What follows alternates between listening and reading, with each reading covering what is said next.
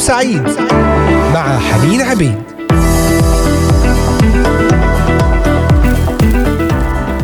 أهلا وسهلا بكل المستمعين الاحباء أينما كنتم من مختلف بلدان الشرق الأوسط بلدان أوروبا كندا أمريكا أستراليا أحييكم أجمل وأطيب ترحيب. معكم على الهواء مباشرة حنين عبيد. حلقة جديدة من برنامج نهاركم سعيد. موضوع حلقتنا لهذا اليوم خلقت لأجل إرسالية. فتابعونا واستمعوا إلينا من خلال قناة اليوتيوب إذاعة صوت الأمل بث مباشر وعلى تطبيقات الهواتف النقالة Voice of Hope Middle East وعلى موقعنا الرسمي voiceofhope.com أيضا على صفحة الفيسبوك تابعونا واكتبوا إلينا بأي تعليقات ومشاركات أفكار وطلبات صلاة بإمكانكم أيضا متابعتنا على منصتي التليجرام والإنستغرام Voice of Hope. وعلى منصات البودكاست المختلفة سبوتيفاي ديزر أمازون ميوزك كاست بوكس أبل وجوجل بودكاست وبود فاين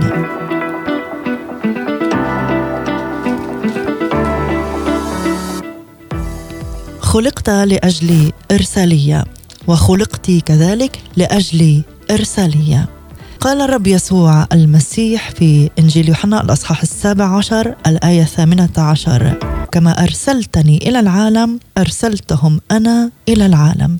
في صلاته للآب يقول عن تلاميذه وعن تابعيه أرسلتهم أنا إلى العالم. وقال في سفر أعمال الرسل الأصحاح العشرين والآية الرابعة والعشرين ولكنني لست أحتسب لشيء ولا نفسي ثمينة عندي حتى أتمم بفرح سعي والخدمة التي أخذتها من الرب يسوع لأشهد ببشارة نعمة الله. إذا خلقت لأجل إرسالية. إن الله يعمل في العالم وهو يريدك أن تنضم إليه. يسمى هذا التكليف إرساليتك. الله يريدك أن تكون لك خدمة في جسد المسيح وأيضا إرسالية في العالم. فخدمتك هي مساعدتك للمؤمنين بينما إرساليتك هي خدمتك لغير المؤمنين. وإتمام إرساليتك في العالم هو قصد الله لحياتك. إرسالية حياتك مشتركة وأيضا محددة إذ أن شقا منها هو مسؤولية تشاركها مع كل المؤمنين الآخرين أما الشق الآخر فهو تكليف فريد لك.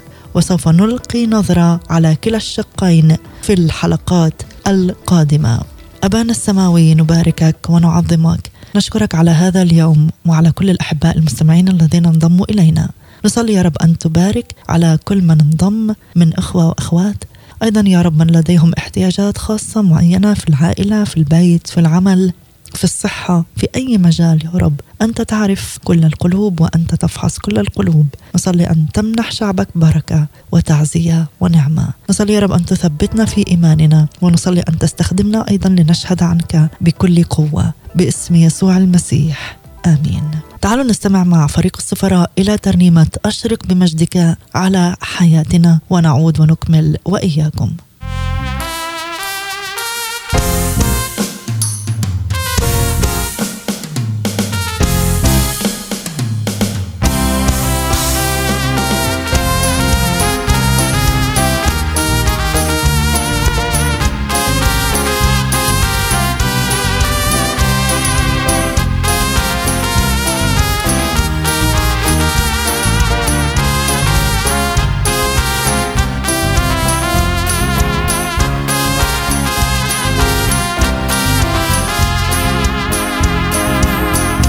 أشرق بمجدك على حياتنا. أمرا جديدا تصنع لنا بديل المياه يروي أرضنا نهر الحياة يحملنا منك وبك ولمجدك بمجدك. أشرق بمجدك.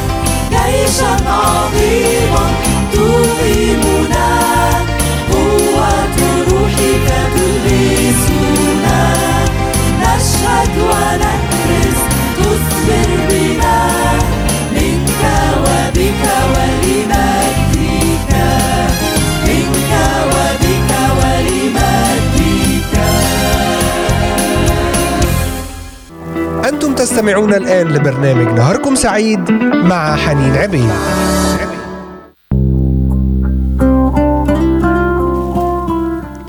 نشهد ونكرز نثمر بك وتثمر بنا منك وبك ولمجدك.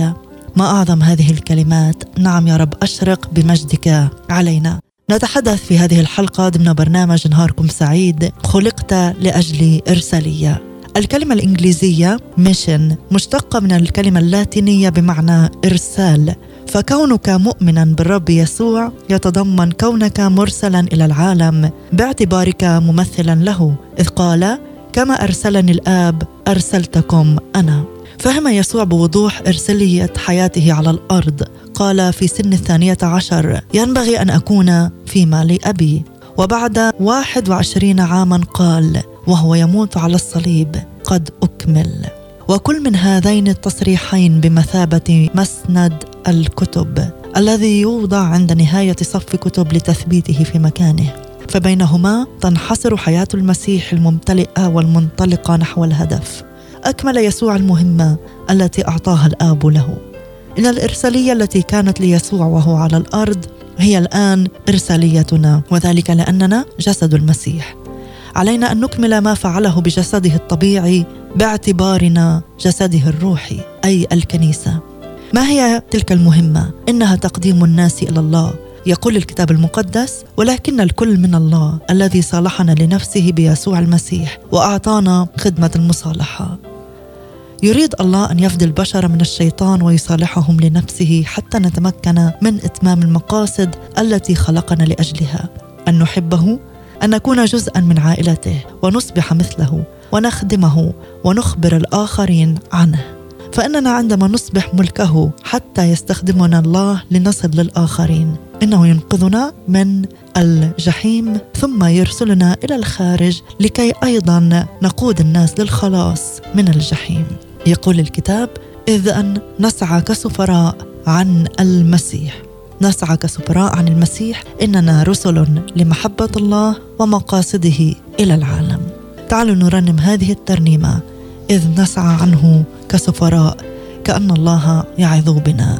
ونعود لنكمل في هذه الحلقة خلقت لأجل إرسالية ابقوا معنا. شكرا لله الذي يقودنا في موكب النصرة كل حين. كفقراء لا شيء لنا. ونحن نغني نغني كثيرين. هاليلويا شكرا لله الذي يقودنا في موكب النصرة كل حين فقراء لا شيء لنا. ونحن نبني نبني كثيرين يقودك الرب على الدوام. يشبع في الجود بنفسك ينشط لك عظامك. تصير كجنة كجنة ريا. شكرا لله الذي يقودنا في موكب النصرة كل حين. كفقراء لا شيء لنا. نحن نبني نبني كثيرين اطلبوا الرب ما دام يوجد. ادعوه دوما فهو قريب. يعطي المعيا المعيا قدرة. العديم القوة يكثر شدة شكرا لله الذي يقودنا في موكب النصرة كل حين. كفقراء لا شيء لنا ونحن نبني نبني كثير. إذا إذ نسعى عنهم كسفراء. كأن الله يعظ بنا كي يكون ولنا اكتفاء من كل نعمة نعمة وغنى. شكرا لله الذي يقودنا في موكب النصرة كل حين كفقراء لا شيء لنا ونحن نغني. كثير آخر مرة. شكرا لله الذي يقودنا في موكب النصرة كل حين. كفقراء لا شيء لنا ونحن نغني نغني كثيرين. لما يسعى بيكون موجود في حياة الواحد فينا بننور زي الشموع ومفيش قوة تطفي. حلو قوي. لما يسعى بيكون موجود في حياة الواحد فينا بننور زي الشموع ومفيش قوة تطفينا. حتى كمان وقت الضلمة عندنا ابتسامة. جاية من عند يسوع. سلامنا على حتى كمان وقت الضلمة عندنا ابتسامة جاية من عند يسوع وسلامنا على لما يسوع بيكون موجود حياة الواحد فينا نور زي الشموع ومفيش قوة تطفينا. لما يسوع بيكون موجود حياة الواحد فينا نور زي الشموع ومفيش قوة تطفينا. أنتم تستمعون الآن لبرنامج نهاركم سعيد مع حنين عبيد.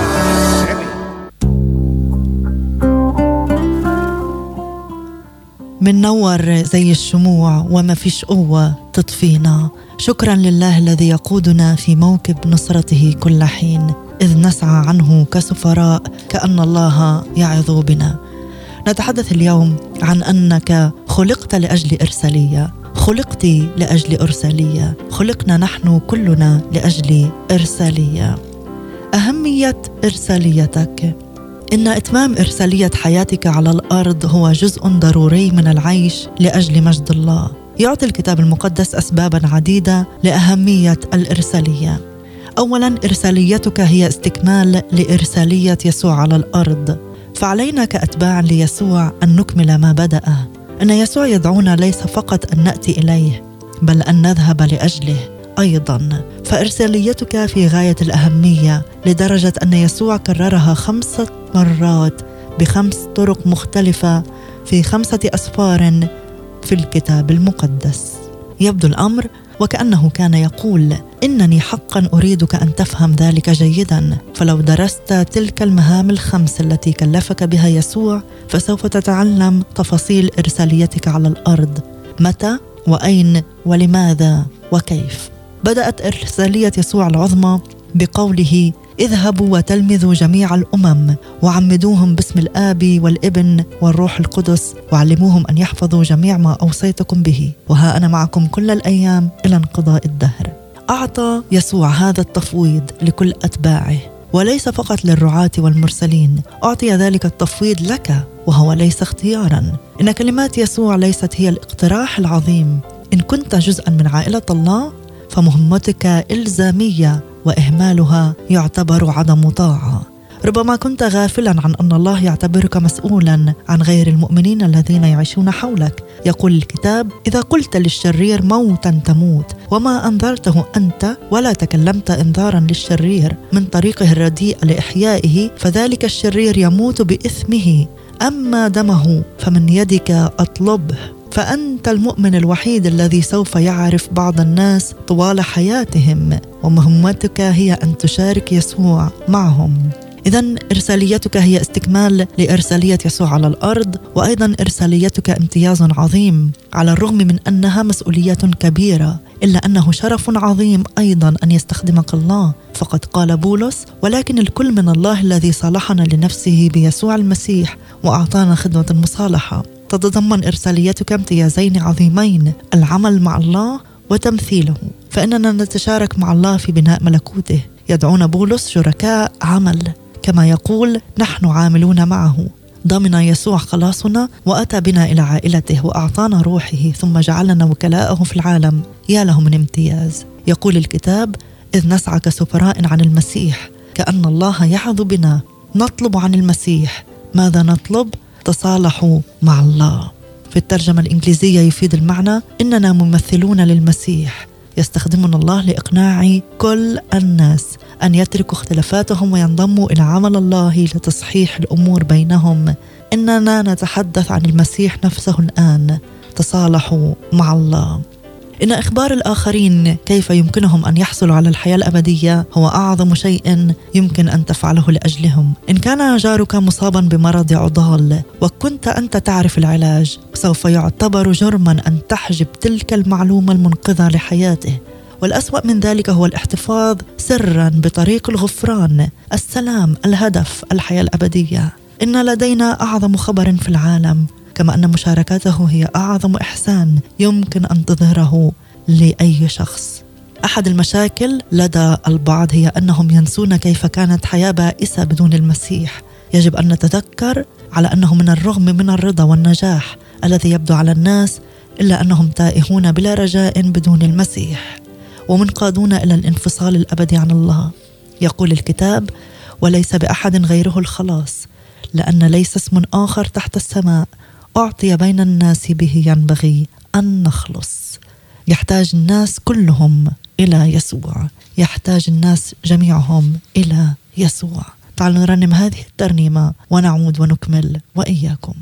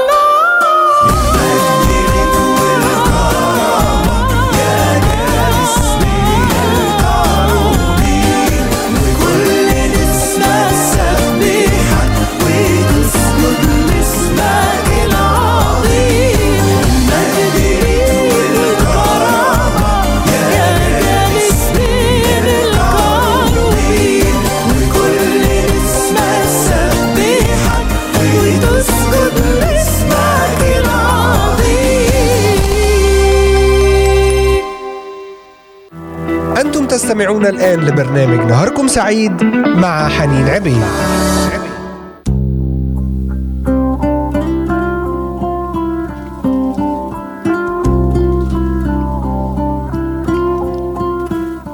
عدنا إليكم أحبائي المستمعين بعد هذه الترنيمة الرائعة مع فريق الحياة الأفضل المجد ليك والكرامة. نعم نعطي المجد والكرامة ليسوع عندما نخدمه ونطيع أمره في الإرسالية العظمى بأن نذهب إلى كل من حولنا إلى من هم بحاجة إليه ليعرفوا محبته وخلاصه.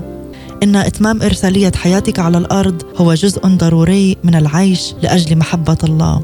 ذكرنا نقطة إرساليتك هي استكمال لإرسالية يسوع على الأرض. وذكرنا أيضا إرساليتك هي امتياز عظيم شرف عظيم أن يستخدمك الله. إن إخبار الآخرين كيف يمكنهم أن يحصلوا على الحياة الأبدية هو أعظم شيء يمكن أن تفعله لأجلهم. هذا ذكرناه أيضا والنجاح يبدو على الناس والغنى والسعادة لكنهم بحاجة إلى يسوع. بحاجة إلى يسوع. الجميع يحتاجون يسوع. لذلك ارساليتك لها أهمية كبيرة. إنها سوف تؤثر على المصير الابدي للآخرين. لذلك هي أكثر أهمية من أي عمل أو إنجاز أو هدف سوف تصل إليه حياتك على الأرض. سوف تدوم نتائج إرساليتك إلى الأبد بينما لن تبقى نتائج عملك. ليس هناك شيء آخر مما تفعله أكثر أهمية من مساعدة الناس على بناء علاقة أبدية مع الله. لذلك يجب علينا أن نشعر بمدى إلحاح مهمتنا. قال يسوع ينبغي أن أعمل أعمال الذي أرسلني. ما دام نهار يأتي ليل حين لا يستطيع أحد أن يعمل. إن الوقت يمر سريعا بالنسبة لإرسالية حياتك. فلا تؤخر اذا يوما آخر. ابدأ في مهمتك للوصول إلى الآخرين الآن. سوف تكون هناك الحياة الأبدية. كي نحتفل مع الذين أتينا بهم إلى يسوع. لكننا لا نملك سوى عمرنا للوصول إليهم. هذا لا يعني أنه يجب أن تترك عملك لتصبح مبشرا متفرغا. إن الله يريدك أن تشارك الخبر السار أينما كنت. يجب عليك سواء كنت طالبا أو ابا أو معلما بمدرسة أو بائعا أو مديرا. وايما كنت تفعل أن تبحث باستمرار عن أشخاص يضعهم الله في طريقك. يمكنك أن تشارك معهم الإنجيل. إرساليتك تعطي لحياتك معنى. قال ويليام جيمس إن أفضل استخدام للحياة هو قضاؤها في شيء يدوم أطول منها. والحقيقة هي أن ملكوت الله فقط هو الذي سيبقى وكل شيء آخر سيزول نهائيا. لذلك علينا أن نعيش حياة منطلقة نحو الهدف. حياة ملتزمة بالتسبيح وحياة الشركة والنمو الروحي والخدمة وإتمام إرساليتنا على الأرض. سوف تدوم نتائج تلك الأنشطة إلى الأبد. إذا فشلت في إتمام الإرسالية المعطاة من الله لك على الأرض فإنك تكون قد بددت الحياة التي أعطاها الله لك. قال بولس ولكني لست أحتسب لشيء ولا نفسي ثمينة عندي. حتى أتمم بفرح سعي والخدمة التي أخذتها من الرب يسوع لاشهد ببشارة نعمة الله. هناك أشخاص على هذا الكوكب لن يتمكن أحد من الوصول إليهم سواك وذلك بسبب مكان إقامتك وما خلقك الله لتكونه إن كان شخص واحد فقط سيذهب إلى السماء بسببك تكون حياتك قد أحدثت اثرا يدوم طوال الأبدية. ابدأ إذا بالبحث عن مجال إرساليتك الشخصية وصلي. من الذي وضعته في حياتي يا رب؟ كي أخبره عنك اليوم. آمين. آمين. سنعود لنكمل في هذه الحلقة بعد هذه الترنيمة. ابقوا معنا.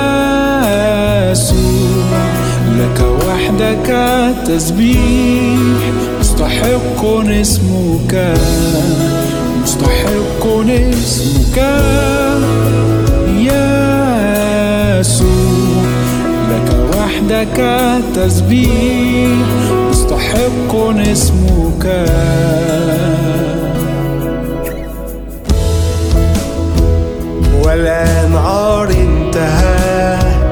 أقف مذهول لحبك العجيب.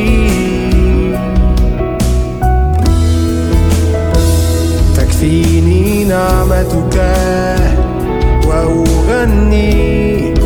أنت صالح للأبد. مستحق اسمك يسوع. لك وحدك التسبيح مستحق اسمك مستحق اسمك يسوع لك وحدك التسبيح مستحق اسمك مرتفع فوق السماوات. مجدك يملأ المكان لك وحدك التسبيح اسمك فوق كل اسم مرتفع فوق السماوات. مجدك يملأ المكان لك وحدك التسبيح اسمك فوق كل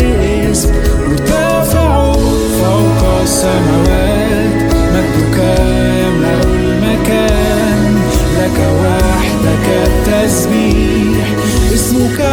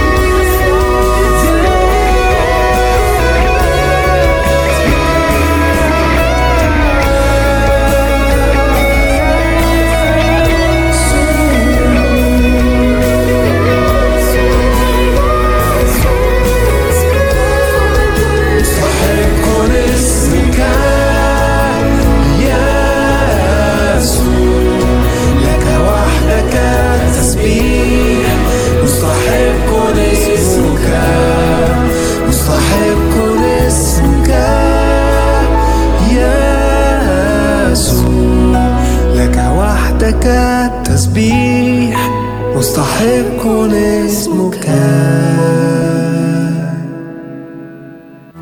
أنتم تستمعون الآن لبرنامج نهاركم سعيد مع حنين عبيد.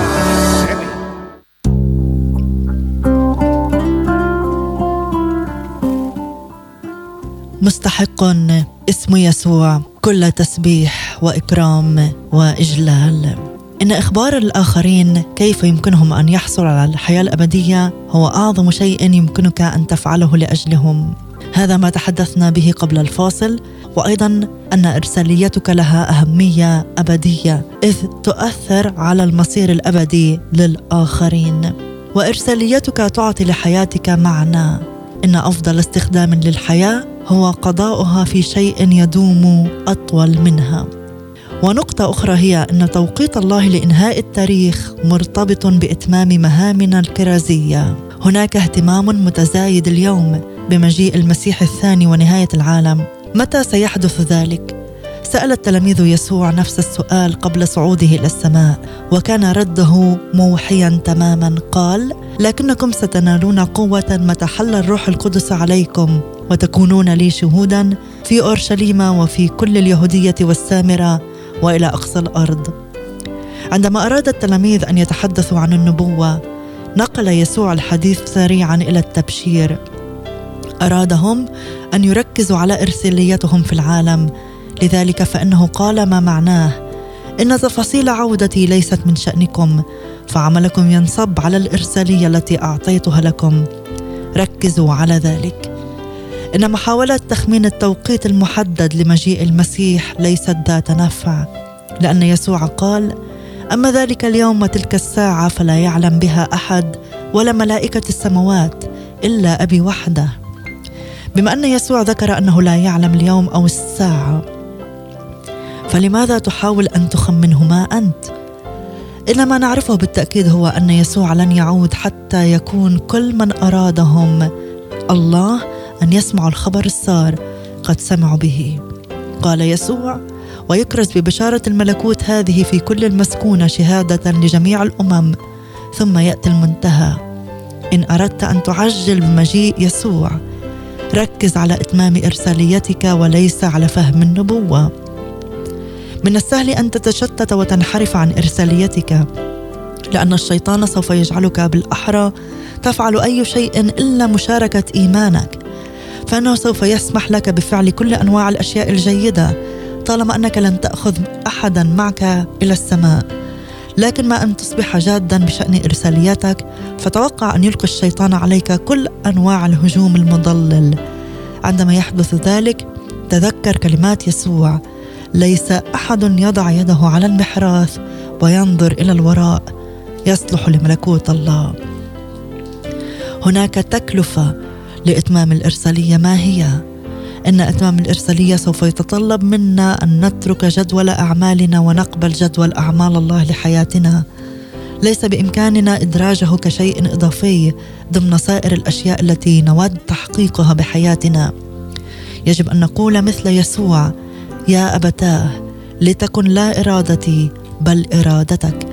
وأن نتخلى عن حقوقنا وتطلعاتنا وأحلامنا وخططنا وطموحاتنا له. يجب أن نكف عن الصلوات التي مثل يا رب بارك ما أريد أن أفعل لكن نصلي بدلا من ذلك. يا رب ساعدني للقيام بما أنت تباركه. سلم لله ورقة بيضاء تحمل اسمك موقعا في آخرها. واطلب منه أن يكتب التفاصيل.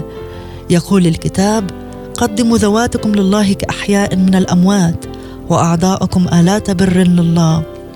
إن كنت سوف تتعهد بإتمام إرساليتك في الحياة بغض النظر عما يكلفك الأمر فسوف تختبر بركة الله بطرق لم يختبرها سوى أشخاص قليلين. فالله لن يمنع خيرا عن كل رجل أو امرأة يتعهدان بتكريس الحياة الكامل لخدمة ملكوته. وعد يسوع لكن اطلبوا اولا ملكوت الله وبره وهذه كلها تزاد لكم. باسم الرب يسوع نربح اشخاصا آخرين له.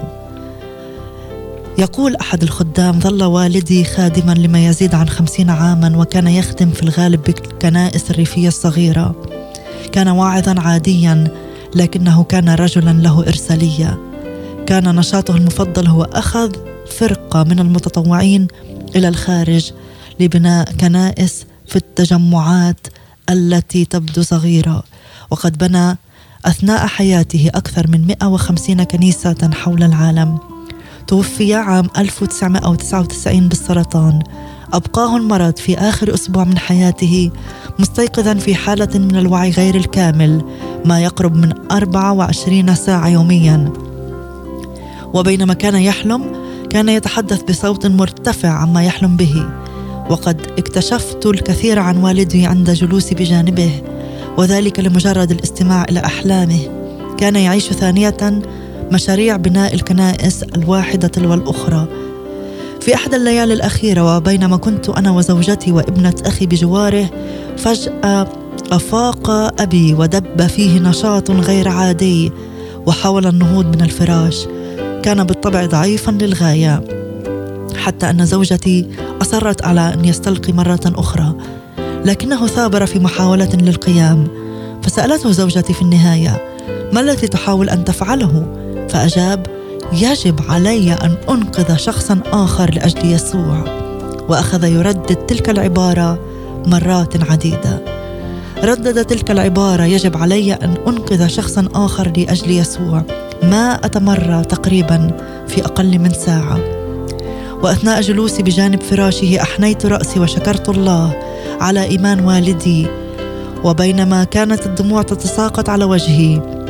في تلك اللحظة اقترب مني والدي ووضع يده الضعيفة على رأسي ثم قال وكأنه يفوضني أنقذ شخصا آخر لأجل يسوع أنقذ شخصا آخر لأجل يسوع. لذلك فإني أعتزم أن يكون ذلك هو شعاري طوال حياتي.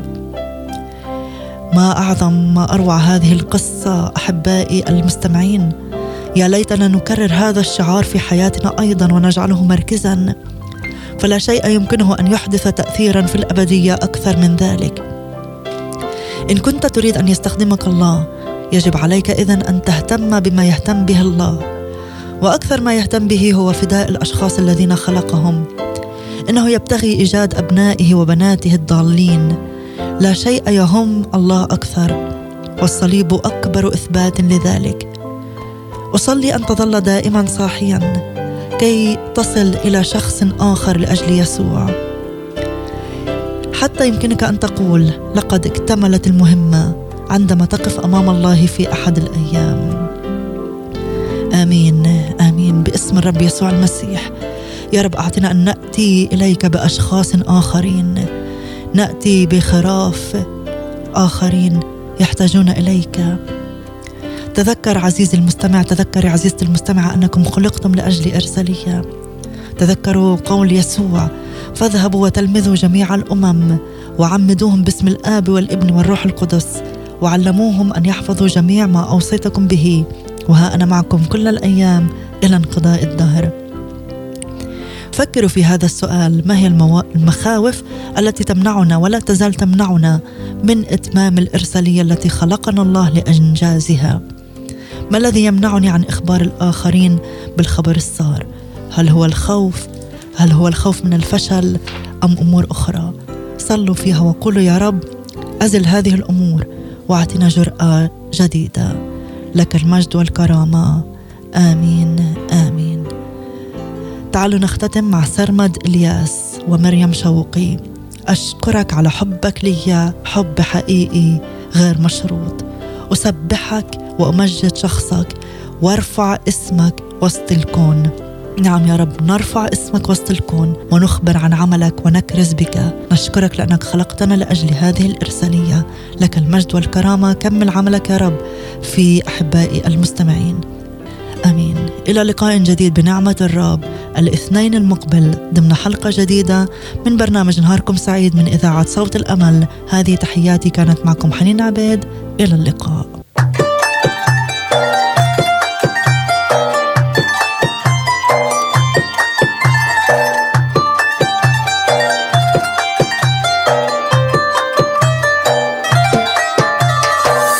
ماشي وماتي رافع عيني. حاسس إيدك تسند ضعفي. وازاي اخاف وانت مخبيني. ده انت الحصن إيدك تشفيني. ماشي وماتي رافع عيني. حاسس إيدك تسند ضعفي. وازاي اخاف وانت مخبيني. ده انت الحصن إيدك تشفيني. يوم ورا يوم بتشكل فيا وأنا كالخزفي بين إيديك يوم ورا يوم بتطهر قلبي حتى اكون صورة ليك أشكرك على حبك ليا حب حقيقي ومش مشروط.